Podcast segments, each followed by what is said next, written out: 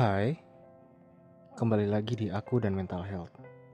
Terima kasih bagi kalian yang sampai detik ini, sampai saat ini masih mau mendengarkan, menghayati ataupun edit di podcast ini. Terima kasih juga karena kepedulian kalian yang besar terhadap diri kalian sendiri dan juga mungkin orang-orang yang kalian sayangi membuat kalian masih bertahan untuk mendengarkan setiap episode dari podcast ini.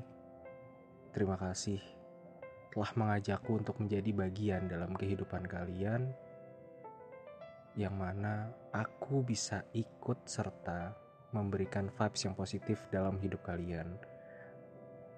Entah langsung ataupun tidak secara langsung, tapi lambat laun sesuatu yang positif akan selalu berputar dalam kumparan yang sama. Kemudian memberikan snowball effect atau efek bola salju di mana satu kepedulian yang saling memantul di sebuah circle akan lambat laun berkembang dan membesar sehingga setiap circle yang terus memantulkan kebaikan itu tadi mendapatkan kebaikan yang tidak hanya uh, terus berlanjut, tetapi semakin besar manfaat yang dirasakan. Nah, kali ini aku mau bahas tentang sesuatu yang ada kaitannya sama kekecewaan. Kekecewaan itu sering kali muncul di saat kita itu ngerasa apa yang kita ekspektasikan tidak sesuai dengan apa yang terjadi atau realitanya. Dan pada mode yang sangat ekstrim, mungkin kita pernah juga mengalami yang namanya pengkhianatan. Dihianati oleh orang yang kita percaya, orang yang mungkin kita anggap berpengaruh terhadap hidup kita, ataupun orang yang selama ini kita anggap menjadi sebuah pedoman berjalan atau pedoman hidup bagi diri kita di mana kita sering dapat hal-hal positif atau sesuatu yang membuat kita bergantung pada akhirnya. Kekecewaan pada akhirnya membuat seseorang atau bahkan kita menjadi lebih waspada terhadap janji-janji atau potensi-potensi kekecewaan selanjutnya. Rasa waspada ini secara alamiah timbul karena kita ngerasa kita nggak mau kan. Kita terulangi lagi untuk mendapatkan pengkhianatan atau dihianati lagi. Kita melatih diri kita untuk semakin peka setelah kita dihianati setelah kita dikecewakan. Kita pada akhirnya tidak ingin lagi menjadi seorang yang apa ya bisa dibilang seseorang yang kecewa meskipun saat ini kita ada di posisi sebagai orang yang dikecewakan tetapi lambat laun ini membuat kita juga sangat berhati-hati membuat kita terkadang bahkan bisa sangat benci terhadap orang yang pernah mengkhianati atau mengecewakan kita. Yang secara nggak langsung ngebuat kita juga takut untuk jadi seperti mereka. Takut membuat kesalahan yang bisa membuat orang lain kecewa. Takut ada di posisi di mana kitalah yang bersalah. Kitalah yang dianggap membawa dampak buruk atau negatif terhadap seseorang yang secara otomatis juga membuat kita takut kalau kita akan disalahkan. Sebuah dampak dari kekecewaan yang kita rasakan, di mana kita suat, uh, pada satu saat menjadi korban, lambat laun di masa depan bisa membuat kita semakin takut kalau kita bukan hanya menjadi korban lagi, tetapi rasa takut kalau kita akan dipersepsikan, dituduh, apalagi dihakimi menjadi seseorang yang mengkhianati atau memberikan kekecewaan terhadap orang lain. Nah, yang menarik adalah dari sinilah sebenarnya awal mulanya kalau dipikir-pikir ya.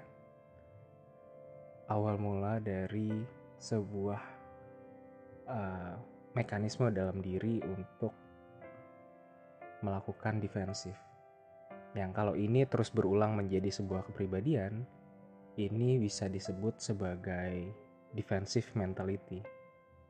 Jadi defensive mentality itu mulai terjadi atau mulai apa ya uh, aktus dalam diri seseorang itu ketika menghadapi masalah yang kita pikirkan itu adalah bagaimana caranya kita tidak merasa bersalah atau tidak menjadi pihak yang digantungkan oleh orang lain. Maksudnya orang lain bergantung pada kita. Tidak menjadi sosok yang uh, berpotensi akan disalahkan. Menurutku ini hal yang wajar. Tiada orang yang mau disalahkan. Aku, kamu, siapa pun itu yang mendengarkan ini ataupun yang tidak mendengarkan ini. Yang namanya disalahkan pasti ya rasanya sakit Apalagi kalau disalahkan pada hal yang bukan merupakan kesalahan kita. Bukan niat kita untuk mengkhianati tapi dianggap mengkhianati. Terkadang kita sampai pada tahap yang jijik banget ya sih untuk dianggap bahwa kita itu adalah orang yang buruk di mata orang lain gitu. Hmm. Nah, dari hal yang wajar ini terkadang uh, memang agak menjadi tricky karena defensive mentality itu terkadang lahir dari sini. Di mana ketika kita tidak memiliki stance yang kuat dalam hidup kita, maka defense mentality ini akan menjadi sebuah apa ya uh, perilaku atau kepribadian yang lebih teknis lagi yang kalau aku sebut mungkin kalian semua juga langsung paham. Kepribadian orang yang memiliki defensive mentality, apalagi sangat dominan adalah playing victim. Ya, uh, seolah menjadi korban. Playing victim bisa diartikan sebagai sikap yang selalu merasa menjadi korban atau selalu paling menderita. Meskipun pada momen-momen tertentu tidak seperti itu gitu. Meskipun bukan orang yang melakukan playing victim yang merasa uh, paling dirugikan. Bisa jadi ada orang lain yang merasa dirugikan, tapi karena salah satu alasannya adalah takut untuk disalahkan atau menjadi pihak yang uh, apa ya menzolimi atau mengkhianati maka dorongan untuk playing victim ini menjadi sangat kuat bagi seseorang yang uh, menjadikan ini sebagai opsi untuk dilakukan apalagi kalau ini sudah dilakukan secara berulang oleh seseorang menjadi sebuah kepribadian. Asal muasal. Dan sebabnya tadi sudah aku ceritain ya bagaimana aku juga pernah bertemu dengan seseorang bukan hanya satu bahkan ya dua atau tiga orang atau bahkan lebih dari lima orang sih kalau aku menghitung garis startnya dari semenjak aku SMA sampai saat ini. Di mana beberapa di antaranya yang cukup memiliki kedekatan denganku uh, dan aku tahu backgroundnya kurang lebih karena mereka merasa pernah merasa dikhianati atau pernah merasa dikecewakan. Mereka tidak tumbuh dengan ego atau uh, keberanian yang terdidik dalam artian gini um, manusia itu pasti sangat wajar akan menghadapi sebuah masalah, menghadapi kekecewaan seperti yang aku bilang tadi di awal. Tetapi apa yang membuat manusia itu menjadi dewasa, menjadi uh, pribadi yang bisa menghandle semua masalah. Menghandle itu bukan berarti menyelesaikan semua masalah ya. Karena tidak dapat dipungkiri mungkin ada masalah yang tidak selesai, tetapi dari kegagalan-kegagalan itu minimal tidak menimbulkan residu yang negatif dalam diri kita. Nah, bagaimana agar seseorang itu tidak mendapatkan residu dari masalah, dari kekecewaan yang akhirnya uh, akan bermuara atau berujung menjadi seseorang yang punya defensive mentality, yaitu tidak dapat dipungkiri adalah pola didik dari eksternal di saat seseorang itu tumbuh kembang.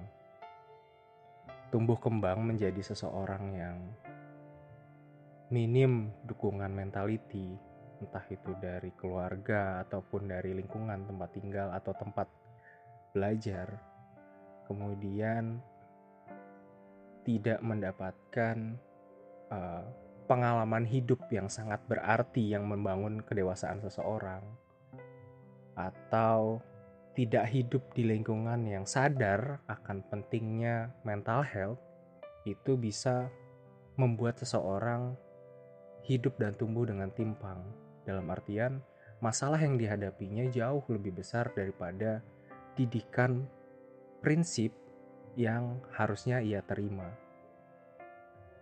Dan pada akhirnya akan menjadikan seseorang, aku pikir adalah sesuatu yang dalam tanda kutip wajar terjadi defensive mentality pada akhirnya. Aku tidak mewajari bahwa defensive mentality adalah sesuatu yang boleh dilakukan, tetapi uh, proses terjadinya sangat masuk akal dan ketika sesuatu sudah berhubungan dengan apa yang dimiliki ya sesuatu itu akan niscaya terjadi maksudnya adalah kalau prinsip-prinsip pertumbuhan menjadi seorang pribadi yang dewasa yang tegas itu tidak didapatkan oleh seseorang dengan maksimal maka ini hanya perlu menghitung waktu sebenarnya bahwa ini akan menjadi uh, sesuatu atau siklus yang pasti akan terjadi. Dalam hal ini defensive mentality itu tadi. Nah, itulah kenapa bagiku tidak ada yang telat. Seseorang yang merasa kecewa, seseorang yang tidak ingin disalahkan, tidak ingin menjadi sosok yang negatif, meskipun terkadang tidak bisa mengontrol dirinya, bukanlah akhir atau sesuatu yang tidak dapat dirubah atau sudah terlambat. Menurutku, uh, kita bisa sama-sama memulainya meskipun dari detik di mana kita saat ini harusnya sudah terlambat. Karena terlambat itu terkadang adalah sebuah hal yang relatif. Kapan batas seseorang terlambat dalam hidup? Terutama dalam membangun kedewasaan diri. Nyatanya tidak sama seperti jam masuk sekolah. Jam masuk sekolah mungkin ada waktu yang baku atau tetap gitu. Tetapi dalam hidup seseorang memiliki zona waktu dan juga garis start yang berbeda-beda. Sehingga Inilah kenapa kita bisa memulai untuk memaafkan dan menerima diri sendiri. Karena apa yang terjadi di masa lalu memang sudah terjadi. Tetapi mungkin kita boleh merasa bahwa masa lalu ada yang bisa diterima dan ada yang mungkin tidak bisa diterima. Jika memang itu membuat pikiran kita terganggu untuk menjadi lebih dewasa. Dan mungkin membutuhkan waktu atau momen tertentu supaya kita bisa fokus menerima hal-hal yang saat ini tidak bisa kita terima. But it's okay, take it easy. Karena menerima diri itu bukan persoalan cepat-cepatan. Siapa cepat, dia yang akan cepat dewasa. Ya memang kedewasaan itu perlu dibangun dari sedini mungkin, tetapi bukan tidak mungkin seseorang tidak bisa mencapai titik kedewasaan meskipun saat ini masih berkutat dalam suatu masalah. Inilah kenapa sebuah kejujuran dan rasa empati. Kejujuran adalah berbicara tentang bagaimana kita mau jujur terhadap diri kita. Apa kelebihan kita, apa kekurangan kita. Yang kurang bisa kita coba untuk dievaluasi sedikit demi sedikit. It's okay. Pelan-pelan kalau memang tidak bisa kita kejar gitu dan tidak bisa diburu-buru itu adalah jujur dan juga empati. Empati dalam artian ketika kita berinteraksi dengan orang lain agar kita bisa mengerti masalah orang lain, agar orang lain ketika berinteraksi dengan kita tidak mendapatkan sesuatu yang negatif, tidak mendapatkan residu-residu negatif dalam kepala mereka. Jadi selain kita fokus untuk memperbaiki diri kita atau mengimprove diri kita, mengupgrade diri kita, salah satu hal yang perlu kita lakukan adalah dengan peduli terhadap orang lain juga, terhadap usaha-usaha orang lain untuk mengimprove atau mengupgrade dirinya, sehingga kita bisa sama-sama improve dan upgrade. Itulah kenapa podcast ini hadir. Podcast ini bukan mencoba untuk sok peduli, tapi karena aku sadar bahwa dengan peduli dengan orang lain itu adalah caraku untuk peduli dengan diriku sendiri. Aku memberikan vibes yang positif kepada orang lain lewat podcast ini, itu sama dengan aku ingin semesta mengembalikan positif vibes padaku suatu saat. Sehingga itu minimal bisa menandingi negatif vibes yang mungkin aku terima lewat uh, gesekan-gesekan atau interaksiku dengan orang lain di luar sana. Tapi yang aku yakin, sesuatu yang negatif bisa jadi pasti akan terjadi. Tetapi yang terpenting adalah jangan sampai kita kehilangan positive vibes yang bisa membuat kita mengupgrade diri. Terima kasih. Bye.